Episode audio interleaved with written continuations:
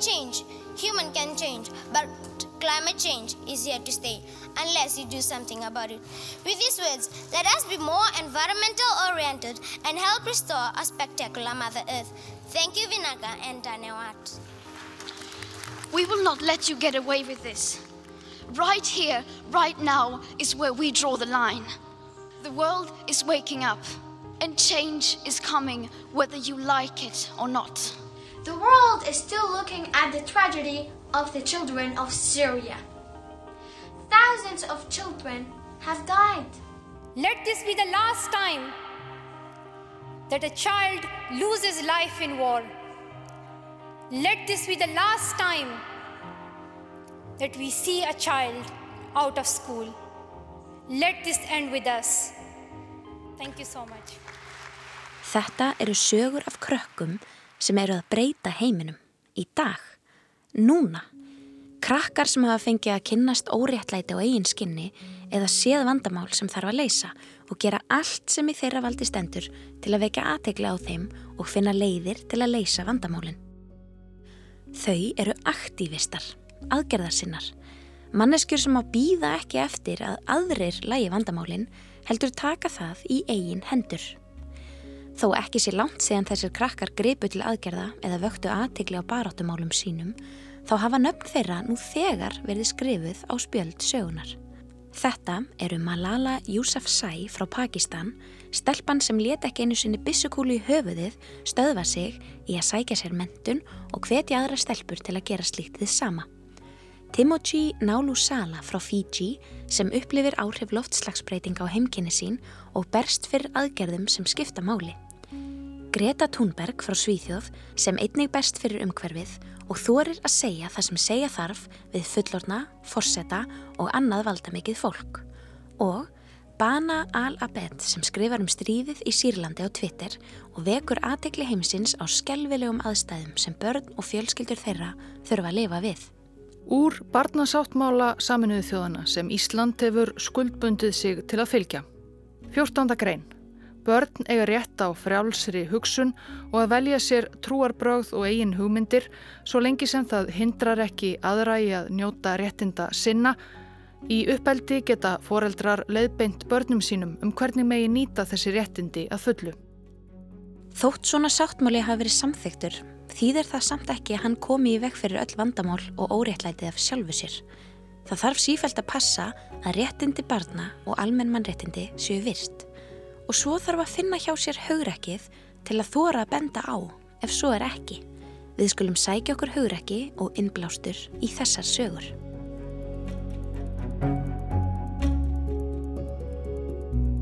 Fyrsta sagan gerist í Pakistan.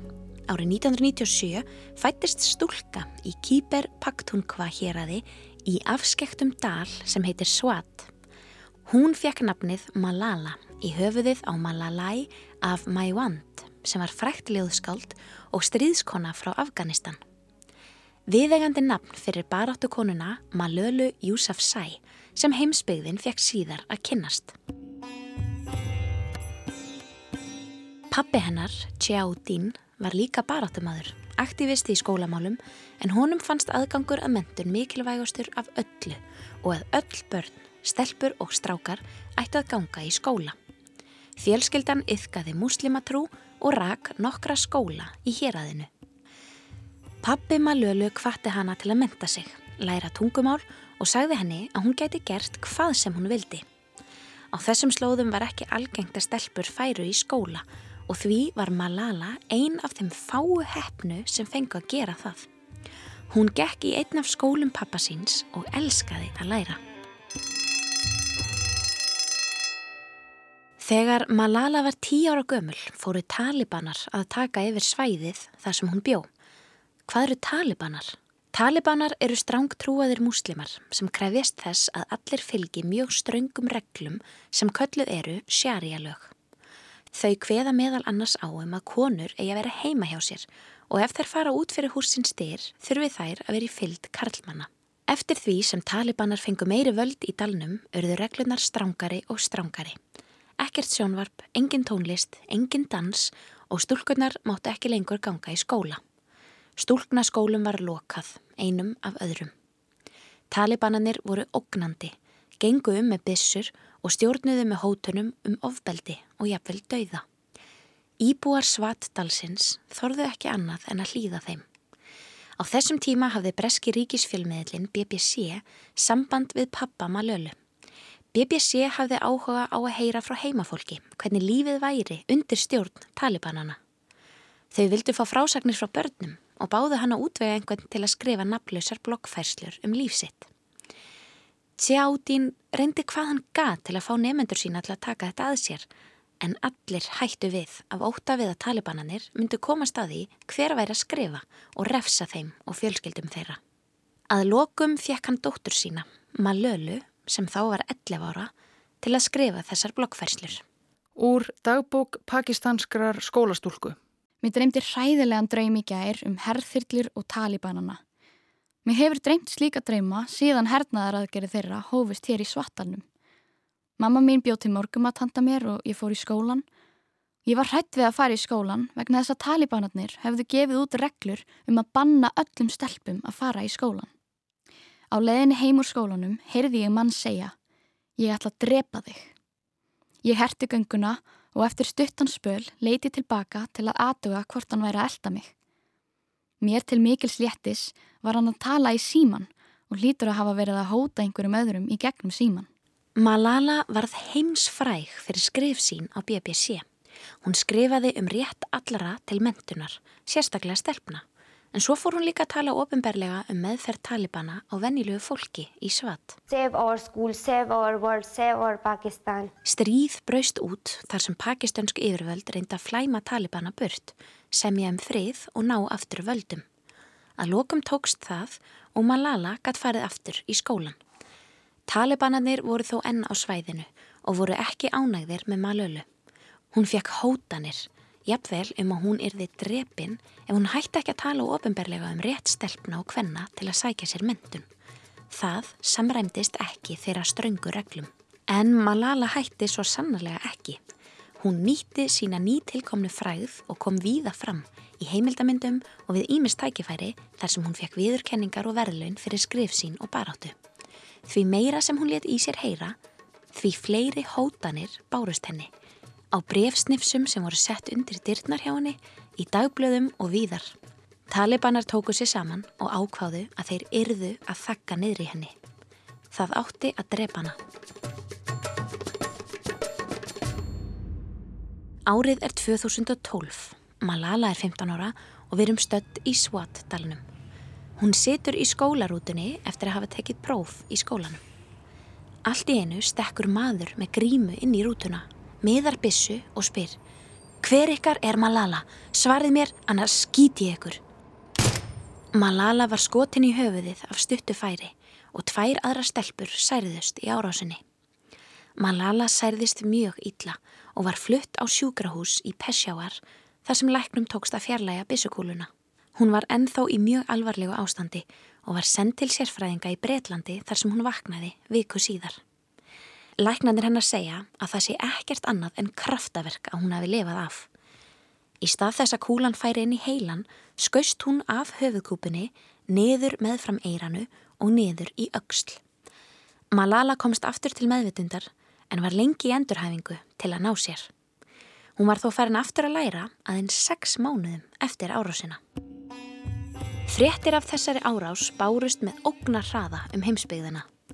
Fólk var bæði brjálað og sorgmætt yfir aðstæðum Malölu og annara stúlkna í Pakistan. Einan við ári eftir árásina var Malala farin aftur af stað í herrferð sinni til að menta stelpur. Hún talaði hjá saminuðu þjóðunum, hitti Elisabetu breytadrottningu, helt fyrirlestra í virtum háskólum, hitti Barack Obama, bandarækjafórseta og svo framvegis. Malala helt áfram námi sínu í Breitlandi, skrifaði bók og ári síðar þegar hún var 17 ára fekk hún friðarverlaun Nobels en það eru mjög virt verlaun. Let this end with us. Let's begin this ending together today. Hún er yngsti handhafi friðarverlauna Nobels frá upphafi. Hún hefur helgað lífsitt baráttunni fyrir jöfnum rétti stelpna og stráka til að sækja sér myndum. Einu sinni í sjómarsviðtali var Malala spurða því hvernig henni leið þegar hún komst að því að talibanar vildu drepana. Svona líst hún því. And I used to think, think that the Talib would come and he would just kill me. Ég fór að hugsa um það og ég held að þegar Talibanin kæmi, myndan bara drepa mig. En svo hugsaði ég með mér, ef hann kemur, hvað ætlar þú að gera Malala? Þá svaraði ég sjálfur mér, Malala, taktu bara skó og sláðan. En svo hugsaði ég, ef þú slært Talibana með skónum þínum, þá væri engin munur á þér og Talibananum. Þú mátt ekki sína öðrum grimd. Þú þart að berjast með friði, samtali og mentun. Ég sagði við sjálfa mig, þú þart að segja hann um hversu mikilvæg mentun er og að þú myndir jafnvel vilja mentun fyrir börnin hans. Og svo myndi ég segja við hann, þetta er það sem ég vildi segja þér, nú getur þú gert það sem þú vilt. Þrettánda grein. Börn eiga rétt á því að deila skoðunum sínum vittnesku og hvernig þeim líður með öðrum með því að tala, teikna eða tjá sig á annan hátt svo lengi sem það hefur ekki skadleg áhrif á annað fólk. Eitt stærsta vandamál mannkins í nútímanum eru loftslagsbreytingar og afleðingar þeirra. Það eru því fjölmörg börn og fjölmargir fullarnir, alltaf fleiri og fleiri, sem átta sig á vandanum og að við höfum ekki mikinn tíma til að bregðast við. Sífelt bætist í hóp krakka sem berjast fyrir umhverfismálum. Sum þeirra frétta vandanum í skólanum eða í gegnum samfélagsmiðla en önnur börn finna fyrir vandanum á eigin skinni, á eigin heimilum. Loftslagsbreytingar hafa mismikil áhrif á mismunandi landsvæði og meðal þeirra fyrstu til að finna fyrir þeim eru litlar eigjar á Kirrahafi þar sem sjávarborð hefur hækkað og færist stöðugt nær og nær byggð við strandlengjuna. Hlýri sjór veldur þar líka kröftugri fellibiljum og það var einmitt eitt slíkur sem var til þess að Timoji Nálu Sala varð baráttubarn. Ég er með skilabóð til fullorðina og leiðtóða samfélagsins.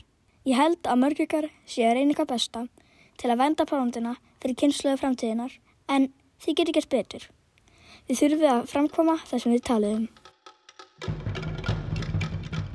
Timoji Nálu Sala vakti mikla aðtegli þegar hann, þá 12 ára gamal, helt áhrifamikla ræðu á stóri alþjóðlegri ráðstefnu saminuðu þjóðana um loftslagsmál árið 2017. My once beautiful village I once called home is now a barren and empty wasteland. Í ræðunni talaði hann um áhrif loftslagsbreytinga á sig, vini sína og fjölskyldu á Tailevu á Fiji, eigu í Kirrahafinu. Árið 2016 skall einn upplugasti fellibilur í sögunni á eigunum. 44 Fiji-búar létust, heimili eðilögðust, fjölskyldur urðu að flýja og uppskera eðilaðist líka. Fjölskylda Timoji ræktar grænmeti og selur á markaði til að eiga fyrir mat, fötum og öðrum nöðsynjaförum. Brotið sem við heyrðum hér áðan var hluti af ræðu hans. Hann sagði þetta um fellibilin Winston. Heimili mitt skólinn minn, matarforðin, peningar, vatn, allt saman gjur eðilaðist þar sem eitt sinn var fattigt torp sem ég kallaði heimir í mitt en nú gróðulegst land. Lottlagsbreytingar eru raunverulegar, ekki draumur. Fyrir unga Kirrahafsegja búa eins og Timoji eru loftslagsbreytingar mun raunverulegri vandi en margra aðra. Sérstaklega okkur hér á Vesturlandum þar sem aðgangur að mat, reynu vatni og húsaskjól er nokkuð sem flestir taka sem sjálfsögðum hlut. Tveimur árum síðar á sömur ástefnu sagði Timoji þetta. Ég var að vittni að eiginleggingunni svinston olli í skólunum mínum og þorpinu og sumakar eru ennan á áttum eftir þessa reynslu. Við finnum enn fyrir áhrifum og þess vegna kalli ég eftir því að leiðtóðar heimsins helgi sig aðgerðum í lofslagsmálum til að venda heiminn okkar, okkar og allra barna á Kyrrahásegjum. Nokkrum dögum síðar byrti Timoji mynd af sér á Instagram með henni sænsku Gretu Thunberg. Þau tóku bæði þátt í loftslagsraðstefnu saminuðu þjóðana í New York en þangað hafði Greta silt á seglbát frá Svíþjóð. Hún gerði það til að sína fram á og hún væri ákveðin í að minga kólefnisspór sitt og þess vegna vildi hún ekki fljúa með flugvél, heldur nýta faratæki sem væri umhverfisvænt. Greta Thunberg er eitt frægasta baróttu barn nútímans. Hún er umhverfisaktivisti, eins og Timoji, en áhugi hennar á loftslagsvandanum kviknaði ekki vegna þess að hún fyndi afleðingarnar á eigin skinni, heldur vegna þess að hún lærði um hann í skólanum.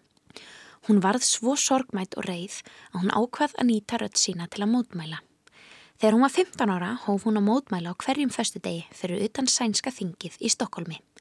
Hún mótmælti af því að stjórnmálamenn gerði ekki nóg til að spórna gegn hlínunjarðar mannaveldum og vernda plánutuna. Hún satt með skildi sem ástóð Skúlstræk for klimatet eða Skólaverkfall fyrir loftsleið. Hún vakti aðtegli í Svíþjóð og fleiri og fleiri börn gengu til liðs við hana og mótmælti. Þar sem fyrst vakti aðtegli í Svíþjóð fór svo að vekja aðtegli um allan heim. Gretu tókst að velta af stað bolta sem fór að rulla á ognar hraða. Skólaverkfall fyrir umhverfið voru skipilögð um allan heim. Um það byl ári eftir að hún vakti fyrst aðtegli, eða förstu daginn 20. september árið 2019, voru haldinn skólaverkföll þar sem fjórar miljónir um allan heim slóist í för með Gretu. Greta Thunberg er einstök og þá sérstaklega vegna þess að hún þólir ekki kurteisist tal og vil tala um hlutina eins og þeir eru. Fullarðið fólk og þá sérstaklega stjórnmálamenn eiga það til að koma sér aldrei beintað efninu og tala óskýrt um hlutina til þess að halda öllum góðum. Greta þólir það ekki og spyr þess vegna mjög skýra spurninga og bendir á margt sem aðrir þóra ekki benda á. Segir fullorðnum fólki til syndana og skammar það hreinlega. Greta er öflugur samfélagsmiðlum, tekur þátt í umræðinni og er ekki hrætt við að tala um umhverfismál við valda mikið fullorðið fólk. Við heyrum hér brot úr hennar frægustu ræðu sem hún held á fyrrnemdri ráðstefnu saminuð þjóðana í New York árið 2019. How dare you? You have stolen my dreams and my childhood with your empty words. Þið hafi stólið draumunum mínum og barnaskum minni með orðum sem hafa enga meiningu. Við erum að barmi útrýmingar en þið talið ekki um annað en peninga og ævintýrum endalustan haugvöxt. Hvernig dirfist þið? How dare you?